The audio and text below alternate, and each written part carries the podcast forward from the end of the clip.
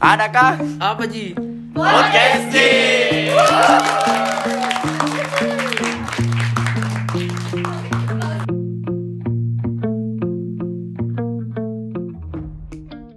Assalamualaikum warahmatullahi wabarakatuh Kembali lagi ke podcast Ji hari ini Podcastnya Himaji Perkenalkan saya Adelia Dianti Angkatan 2018 Perkenalkan saya Malikul Mulmasora angkatan 2018. Nah hari ini kita akan membahas eh, persoalan mengenai Fear of missing out Fear of missing out itu pernah kau dengar Malik apa itu? Udah pernah ya, udah pernah kedengar juga. itu kan bahasa Inggris, fear of missing out. Kalau misalnya di bahasa Indonesia kan itu tidak mau ketinggalan. Nah, pernah kok enggak sih rasa tidak mau ketinggalan kayak di kehidupan sehari-hari? Kalau saya pernah sih terkait pelajaran semisal takut kak ketinggalan ketinggalan teman-temanku yang di luar ki paham terkait itu toh baru saya belum paham kayak kayak begitu Iya, kayak hal-hal biasa aja yang Iya. terjadi di kehidupan tak. Nah, ternyata fear of missing out juga ini bisa terjadi di pasar saham. Nah, hari ini kita akan membahas fear of missing out di pasar saham bersama narasumber kita. ya perkenalan di Oke, halo Adel Malik. Saya Fitra Ramadan dari angkatan 2017 Ilmu Ekonomi. Oke, jadi apa itu sebenarnya fear of missing out atau FOMO? Jadi fear of missing out itu ya bisa dibilang suatu perilaku yang ikut-ikutan lah dalam pasar. Kan sebetulnya perilaku fear of missing out ini atau FOMO sebetulnya terjadi di pasar saham itu ketika pasar saham itu mulai uh, naik daunnya gitu. Jadi orang-orang berbondong-bondong mulai berinvestasi di pasar saham gitu. Bukan cuma di saham, biasanya di kripto atau ikut-ikutan beli emas. gitu. Jadi intinya di situ. FOMO itu istilahnya ikut-ikutan. Dia tidak begitu mengerti apa yang dia lakukan atau apa yang dia beli. oh jadi kalau di pasar saham ini dia semisal pasar saham ini harganya lagi naik-naik jadi dia ikut-ikutan Ji tapi tidak tahu apa yang mau dia beli Iya, betul, Prosesnya betul. seperti apa Itu betul sekali. Jadi yang dikatakan Malik itu uh, sebetulnya salah satu contoh perilaku FOMO dalam pasar saham gitu. Kan kita tahu selama ini pasar saham itu orang mengambil keuntungan di situ dari fluktuasi dari fluktuasi pergerakan harga saham. Katakanlah suatu saham, katakanlah saham ABCD. Saham ABCD ini lagi rame nih ceritanya. Orang yang ada di pasar modal itu dia bilang istilah pom-pom. Apa itu pom-pom? Pom-pom itu kayak uh, suatu saham dipromot istilahnya, digambar-gambarkan berita positifnya. supaya orang tertarik Supaya untuk orang membeli. tertarik untuk membeli. Ketika orang tertarik untuk membeli, hukum pasar kan berlaku. Permintaan penawaran, permintaan meningkat, otomatis uh, terjadi kenaikan terjadi kenaikan harga. Pada saat terjadi kenaikan harga, orang-orang yang disebut FOMO itu juga ikut-ikutan beli dan ternyata harganya sudah uh, katakanlah terbilang mahal. Terbilang mahal di sini kan ada ukuran tertentu. Tetapi orang FOMO dia tidak tahu bahwa saham yang dia beli itu sudah kelewat mahal hanya karena dia ikut-ikutan dia beli juga akhirnya harga saham gitu yang dia beli itu akhirnya bertambah terpus lebih jauh ke atas. Apa yang terjadi kemudian? Biasanya orang-orang FOMO ini dimanfaatkan oleh orang-orang yang istilahnya membeli di harga yang lebih rendah. Yang melakukan pom-pom kan itu orang yang sudah punya saham ABCD, kemudian katakanlah dia menyewa uh, beberapa influencer atau uh, media-media tertentu untuk melakukan pom-pom atas saham ABCD misalnya. Jadi harganya naik, orang-orang ikut FOMO, dia akhirnya jualan. Orang-orang yang beli di harga rendah ini akhirnya dia jualan. Nah, ketika dia jual, penawaran meningkat. Karena kenapa penawaran meningkat? Karena orang-orang yang beli di awal ini istilahnya adalah orang yang memiliki pangsa yang besar atas suatu saham itu. Akhirnya harganya jatuh. Orang-orang yang ikut FOMO itulah yang rugi. Jadi dia belinya di harga yang sudah tinggi. Tapi bisa nggak sih orang yang ikut-ikutan FOMO ini dijadikan kayak sasaran supaya uh, harga dari pasar sahamnya ini meningkat? Betul, itulah tujuan utamanya. Biasanya orang-orang yang melakukan pom-pom itu ngepush harga saham tertentu yang dia punya itu adalah orang-orang yang punya ya bisa dibilang punya dana yang besar. Nah itulah yang disebut biasanya bandar, bandar saham gitu. Bukan cuma di saham ya, biasanya di bandar kripto, ada yang bandar kripto atau di foreign exchange gitu. Itulah target target utama sebetulnya. Dia membuat orang-orang FOMO kemudian dia jualan ketika harganya tinggi. Jadi fenomena FOMO ini bisa terjadi di pasar saham ketika itu harga saham itu tinggi. Mas sudah dipromosikan sama Ya. ini orang-orang yang punya sama BCD sehingga Ya. harga saham itu naik sehingga uh, orang-orang FOMO ini ingin membeli saham itu. Ya, Seperti itu betul. deh. Ya, kalau bisa cerita, saya pernah dapat pengalaman ya. Ada isu tentang mobil listrik. Mobil listriknya Tesla. Iya Tesla. Punyanya Elon Musk. Nah, ketika itu media-media, misalnya CNBC atau bisnis.com atau berita-berita ekonomi yang lain, itu mulai eh, mulai menggambar-gambarkan isu tentang mobil listrik. Dampaknya apa? Kalau di saham, listrik tentu butuh eh, baterai kan?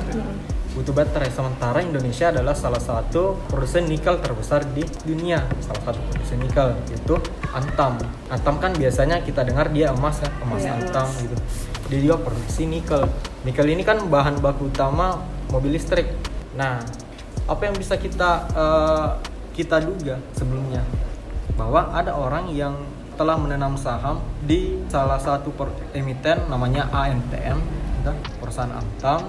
Kemudian begitu media menggembar-gemborkan berita tentang mobil listrik akhirnya orang-orang FOMO juga ikut membeli. Gitu. Akhirnya harganya naik. Nah harga saham Antam ini kan salah satu yang paling fenomenal beberapa bulan yang lalu. Ya mungkin setahun yang lalu mungkin. Ya sekitar itulah Nah, banyak yang terjadi orang-orang ikut-ikutan gitu. Karena kita tahu bahwa tahun 2020 sampai 2021 di mana pandemi Covid ini ya mulai menarik banyak minat orang untuk berinvestasi di pasar Iya, iya. modal, di pasar saham.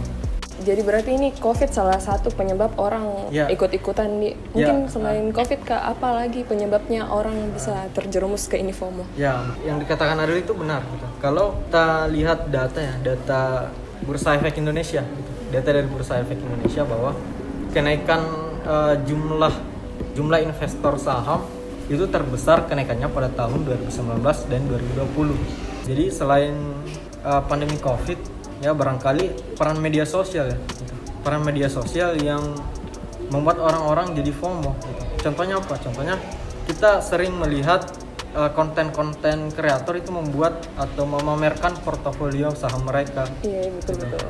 Ya barangkali kita kita lihat dia pamer malah. Dia beli Antam untungnya misalnya lebih dari 100% gitu. Atau macam-macam lah, macam-macam saham atau kripto biasanya. Ada yang kita lihat di konten itu menyulap uang eh, 100.000 ribu jadi misalnya satu juta atau bahkan di kripto itu bahkan lebih ini ya, lebih fantastis gitu. Jadi orang-orang juga ikut-ikutan gitu, tanpa tahu sebenarnya eh, analisis dasar untuk membeli satu saham itu seperti apa gitu misalnya analisis fundamental atau analisis teknikal atau ya analisis yang lain-lain lah seperti analisis broker summary orang-orang biasa sebutnya bandarmologi gitu.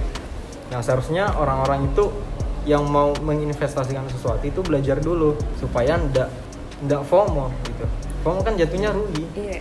Karena yang dipikirannya tuh cuman cuan-cuan-cuan. ya gitu. cuman cuan cuan cuan Jadi intinya ketika mau main di pasar saham ini atau bahasanya masuk ke dunia mata uang virtual ini kan perlu ke analisis analisis misalnya Iya. yang Kak Fitra bilang tadi analisis fundamental, Iya. teknikal dan sebagainya.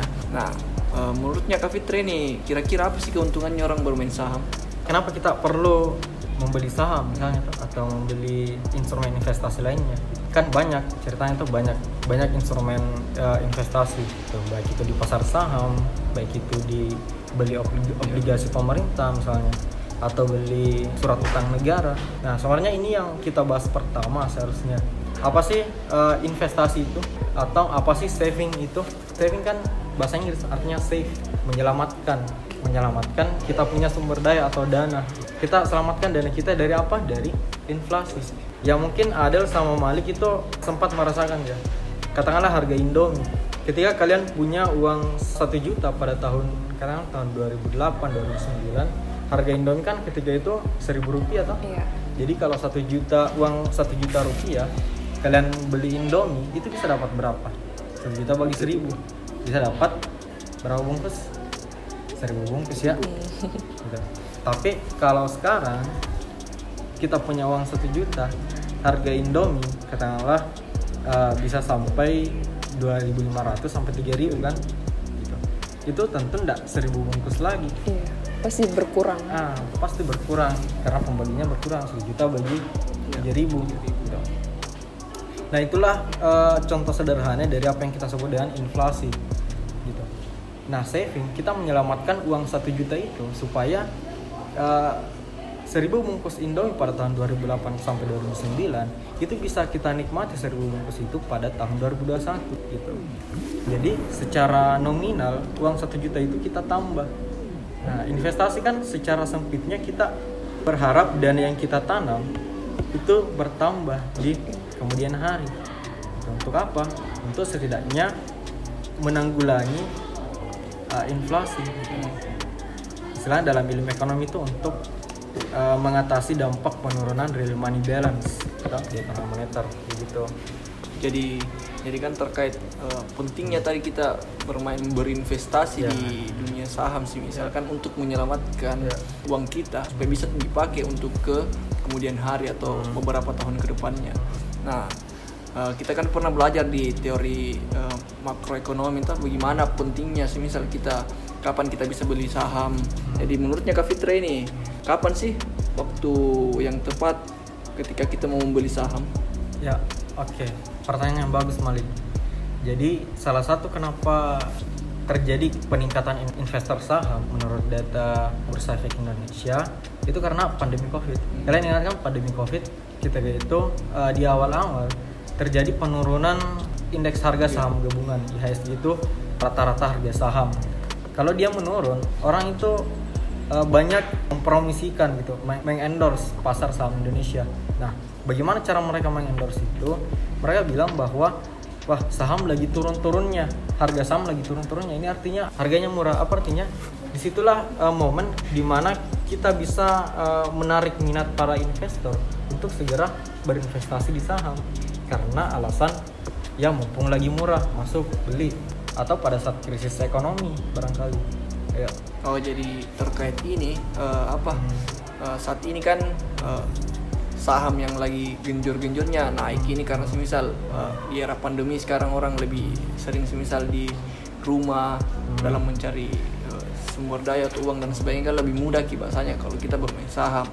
Nah tadi Kak Fitra kan bilang terkait oh ternyata kita ketika mau membeli saham paling paling bagusnya ini ketika saham lagi turun atau saat saat ekonomi krisis lah bahasanya. Hmm. Nah, di sini kan tadi kita jelaskan kita terkait FOMO ini seperti apa tuh. Gimana sih bahayanya orang ketika kita trading ini dan terjadi juga fenomena FOMO. Hmm, Justru bagi para trader Hmm. kita harus bedakan. ya. Ada trader namanya, ada investor. Kalau investor dia itu menanam menanam uangnya atau mau beli saham, dia cenderung menahan gitu, tidak menjual dalam jangka waktu yang lebih panjang. Sementara trader ini memanfaatkan suatu fluktuasi jangka pendek dari harga. Ada istilahnya scalping. Contohnya kayak gimana? Contohnya kayak beli di harga yang lebih rendah ketika ketika ada suatu saham digembar-gemborkan beritanya, toh otomatis harganya naik, dia jual. gitu. Dia tunggu lagi harganya turun, dia beli lagi, gitu. naik lagi. Itulah cara para trader mengambil keuntungan dari pasar saham dari fluktuasi itu.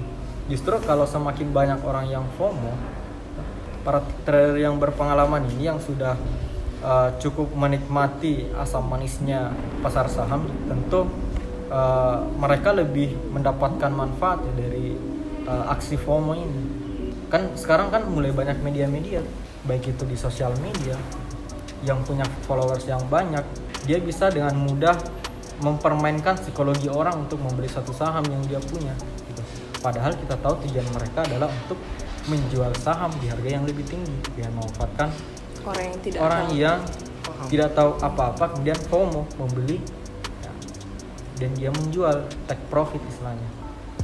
Oh jadi perbedaan spesifiknya itu ya uh, investor lebih ke jangka panjang, sedangkan Ya, trading ya. ke jangka pendek. Kan Ya. trading trader kan bahasanya dia lebih ke bagaimana dia caranya menambang, Ya. menambang semisal mata uang uh, virtual supaya bisa menghasilkan dalam bentuk jangka pendek, tah? Ya. Nah, mungkin uh, terkait penjelasan tadi mengenai FOMO ini yang di mana FOMO ini lebih ke orang-orang awam yang tidak tahu semisal pasar saham ini seperti ini bagaimana sih caranya mengatasi FOMO itu Nah, bagaimana supaya kita tidak terjerat dalam Iya.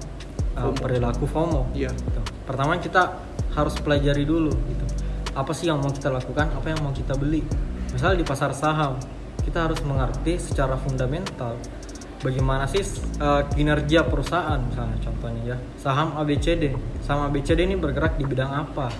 Nah, dia kinerja keuangannya bagus atau enggak gitu. Contohnya kayak gimana? Contohnya kayak berapa laba yang dihasilkan gitu. Atau apa misalnya banyak ukuran-ukuran yang lain. Ada mungkin Malik sama Adel pernah belajar manajemen ya. Di manajemen itu kita kenal ada namanya return on asset ROA atau return on equity earning per share. Itu semua adalah ukuran-ukuran fundamental untuk menilai kinerja perusahaan. Kalau kinerja perusahaannya baik kita akan mengharapkan bahwa perusahaan ini sedang dalam uh, masa positifnya dan diharapkan harga sahamnya akan naik. Nah, terkait analisis fundamental tadi itu Fundamental. kita menganalisis misal uh, perusahaan ini dia apakah dia uh, kira-kira dia dapat bergerak secara positif atau tidak. Bagaimana kalau semisal analisis taktisnya itu seperti apa? Ya, banyak sekali sebetulnya suatu alat. Contohnya ada orang yang memanfaatkan media-media. gitu. Saya teringat suatu uh, kebijakan SWF ya, kebijakan SWF di mana ini SWF ini menguntungkan uh, BUMN BUMN atau emiten-emiten yang bergerak di bidang konstruksi. Gitu. SWF kan ini ceritanya suatu berita positif, gitu. suatu hawa positif bagi emiten dalam bidang konstruk- konstruksi. Nah, eh, kalau kita memiliki eh, saham di bidang konstruksi itu, ya, saham di salah satu perusahaan emiten konstruksi itu, kemudian kita eh, melihat ada eh, ada isu SWF. Nah, kemudian kita kita layak bergembira kan. Orang-orang yang FOMO tadi juga bakalan membeli saham-saham di bidang konstruksi gitu. Nah, nah triknya ada nih yang eh, biasanya orang gunakan. Ada suatu istilah buy on rumor, sell on news. Gitu. Kita membeli suatu saham ketika sudah ada rumor. Sudah ada rumor, tahu kan rumor? Iya, iya. Selain di selain di bidang konstruksi ya, gitu. Ini yang paling kentara uh, ketika vaksin, gitu. isu vaksin COVID. Orang-orang mulai uh, bergembira, orang-orang yang membeli saham di bidang farmasi, contohnya KF, KF itu kimia farma ya, Itamarano Raya, Irla. Rumornya ada vaksin. Di situlah masa-masa di mana IRRA, Itamarano Raya, kemudian KF, kemudian saham-saham farmasi lainnya, itu pergerakan harganya itu positif semua, naik semua harganya. Gitu. Tapi apa yang terjadi ketika sudah news, sudah newsnya? Saya teringat ketika itu vaksin ini sudah resmi di Indonesia. Gitu. Bahkan yang pertama kali uji coba vaksin itu adalah Pak Presiden. Ketika Pak Presiden disuntik pada pagi hari, saya mencoba mengecek harga saham emiten farmasi. Wah ternyata dibanting itu harganya, turun semua harganya. Yang rugi siapa? Yang orang-orang FOMO tadi. Karena dia melihat, karena dia buy on news. Gitu. Harusnya kan sell on news. Gitu. Dia membeli ketika Pak Presiden mau disuntik vaksin. Gitu. Akhirnya harganya naik gitu. Tapi setelah Bapak Jokowi disuntik vaksin, harganya dibanting. Gitu. Dibanting ARB habis-habisan. ARB itu bahasanya auto reject bawah. Auto reject bawah itu kayak orang-orang udah mau lagi beli, semuanya mau jual. Oh, iya. Nah. Jadi pentingnya ini oh, orang-orang FOMO ketahui ya. Hmm. Dia harus membeli ketika dia mendengar rumor dulu, bukan Iya, pada saat betul, uh. Sudah rilis. news. Ya, Ya, news. dia harus mendengar rumor dan orang-orang yang punya banyak informasi sering membaca berita terupdate kita orang-orang semakin sering mendengar rumor tapi sudah kejadian pada saat sudah kejadian harusnya dia menjual karena pada saat itu harga sudah tinggi waktunya untuk take profit gitu Jadi kira-kira terkait apa sih penyu- yang menyebabkan uh, semisal harga saham yang naik dan apa sih kira-kira yang menyebabkan harga saham yang tiba-tiba langsung anjlok? Nah, ada banyak sekali faktor uh, Malik. Dan ini tidak bisa kita jelaskan secara teori yang menjelaskan sempurna terkait pergerakan harga saham ini. Ya, semuanya berada pada mekanisme permintaan dan penawaran. Dan dia bergerak itu cenderung uh, sangat sulit ditebak gitu. Sangat sulit kita analisis. Nah, biasanya orang-orang uh, menggunakan technical analysis gitu technical analysis itu kayak dia mencoba melihat pola-pola historis dari pergerakan pasar saham gitu. Misalnya kayak wah ini terbentuk beberapa candle, ini polanya seperti ini gitu. Maka kecenderungannya dia bakalan meningkat atau menurun. gitu. Ada banyak sekali istilah-istilah atau pola-pola tertentu. Biasanya head and shoulder atau shooting star gitu. Morning star, ya, bearish engulfing, banyak sekali. Nah, atau kita mempelajari kalau kita itu kalau trading ya, eh, analisis teknikal ada namanya analisis fundamental fundamental gitu. kayak kita melihat bagaimana kinerja perusahaan perusahaannya bergerak di bidang apa gitu. apakah suatu saat eh, bidang bidang yang berada perusahaan yang berada di bidang ini bagaimana ke depannya gitu. Apakah industrinya masih dibutuhkan ke depannya atau seperti apa? Atau kondisi kondisi makro kondisi ekonomi seperti apa gitu. misal perusahaan batu bara gitu. tentu perusahaan eh, emiten batu bara harga sahamnya ini bisa saja tergantung dengan harga komoditas batu bara atau minyak misalnya. Harga komoditas minyak seperti apa? Kita lihat pergerakan sahamnya. Tapi itu pun terkadang orang gagal dalam memprediksi harga saham. Tetapi eh, tetapi kita eh, kita perlu ketahui itu semua itu sebagai strategi kita gitu. Ada pegangan gitu, yang kita punya. Teori kan teori gitu. teori itu tidak pernah perfect tidak pernah sempurna eh, memprediksi suatu kejadian. Gitu. tetapi setidaknya dia mendekati kejadian itu. Nah gitu Malik. Oh iya, jadi uh, simpelnya tadi nih, kenapa bisa harga saham yang naik Iya. tiba-tiba dan Iya. harga saham yang anjlok tiba-tiba Nah. itu lebih dipengaruhi terkait permintaan dan penawaran. ya betul Dan, dan dan cara mentaktisinya itu lebih ke apa? Bagaimana kita melihat secara historis Iya. sehingga kita bisa bisa memprediksi ternyata uh, harga saham daripada saham ABCD misal, oh ternyata dia bakal naik, tapi bukan berarti dia bisa menebak secara 100% Ya. terkait oh iya bakal naik atau tidak. tidak ada orang-orang uh, yang betul-betul membeli suatu saham di harga yang paling rendah gitu atau tidak ada uh, tidak ada orang yang betul-betul secara 100% uh, itu menjual harga di harga yang paling tinggi gitu. Nah, itulah semuanya goalsnya gitu. dan itu uh, bisa dibilang sangat sulit terjadi gitu. Ya barangkali dia sudah jadi masternya lah di bidang saham. Nah, kemudian terkait permintaan penawaran yang tadi, tentu selain analisis historis ya, analisis uh, technical analisis yang tadi, kemudian ada analisis uh, fundamental, kemudian ini yang biasanya orang uh, yang banyak gemari gitu, analisis apa? Analisis yang orang-orang yang punya pangsa yang besar terhadap suatu saham, namanya analisis bandarmologi gitu. Nah, ini keren ini karena dia dia berusaha mendeteksi ke mana dana-dana yang besar ini pergi. Gitu. Dana-dana yang besar ini atau investor-investor yang besar ini dia membeli apa gitu. Dia mengakumulasi saham apa. Nah, kalau dia bisa tahu gitu, orang-orang yang punya dana dana besar ini mengakumulasi di saham tertentu, tentu juga dia ikut. gitu. Ataukah eh, momen di mana ketika orang-orang yang besar ini atau kita istilahkan bandar ini melakukan distribusi distribusi itu bahasanya jualan terhadap suatu saham. Kalau dia tahu dia juga bisa jual. Artinya itu adalah suatu teknik bandarmologi ya namanya suatu teknik untuk mengikuti pergerakan-pergerakan para bandar. Bandar ini kan orang-orang yang punya pangsa yang besar terhadap saham.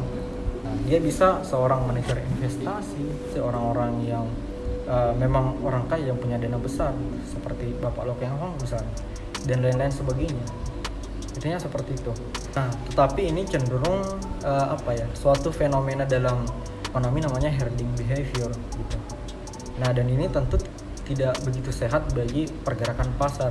Tetapi uh, lama kelamaan orang-orang mulai banyak meriset tentang pergerakan harga saham ini jadi kesimpulannya ini ternyata media sosial bahkan toko-toko masyarakat yang disebut sebagai bandar itu cukup berpengaruh dalam pasar saham ini. Jadi bandar itu memanfaatkan uh, media-media termasuk Iya. media sosial atau para influencer misalnya yang mempengaruhi orang-orang menjadi FOMO ya. Itu ada. Nah, Seingatku Raffi Ahmad pernah begitu. ah, betul. Banyak semuanya tokoh-tokoh yang seperti itu. Gitu. Berarti berarti dia apa? Influencer atau media sosial ini menjadi alat atau instrumen yang bisa mengkondisikan orang-orang bisa menjadi FOMO. Betul, betul. Bagaimana media itu, terutama media massa ya. Media massa itu memframing, memframing itu membingkai kepalanya orang-orang supaya terjerat dalam perilaku FOMO. Oke, Adel Malik. Mungkin ada pesan-pesan Kak sedikit untuk orang-orang yang baru mau Ya, join trading, ya. Ya, oke. Jadi intinya belajar dulu lah, gitu. Belajar dulu apa yang ingin kalian lakukan atau apa yang ingin kalian beli.